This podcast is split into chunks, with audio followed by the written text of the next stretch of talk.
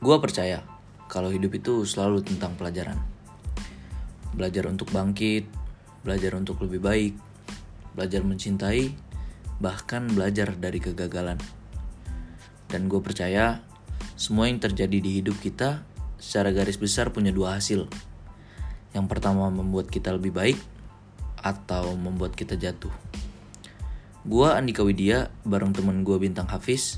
Di sini kami bakalan sharing tentang apa yang kami suka, cara kami berpikir, pengalaman buruk, cerita cinta, dan masih banyak yang lain.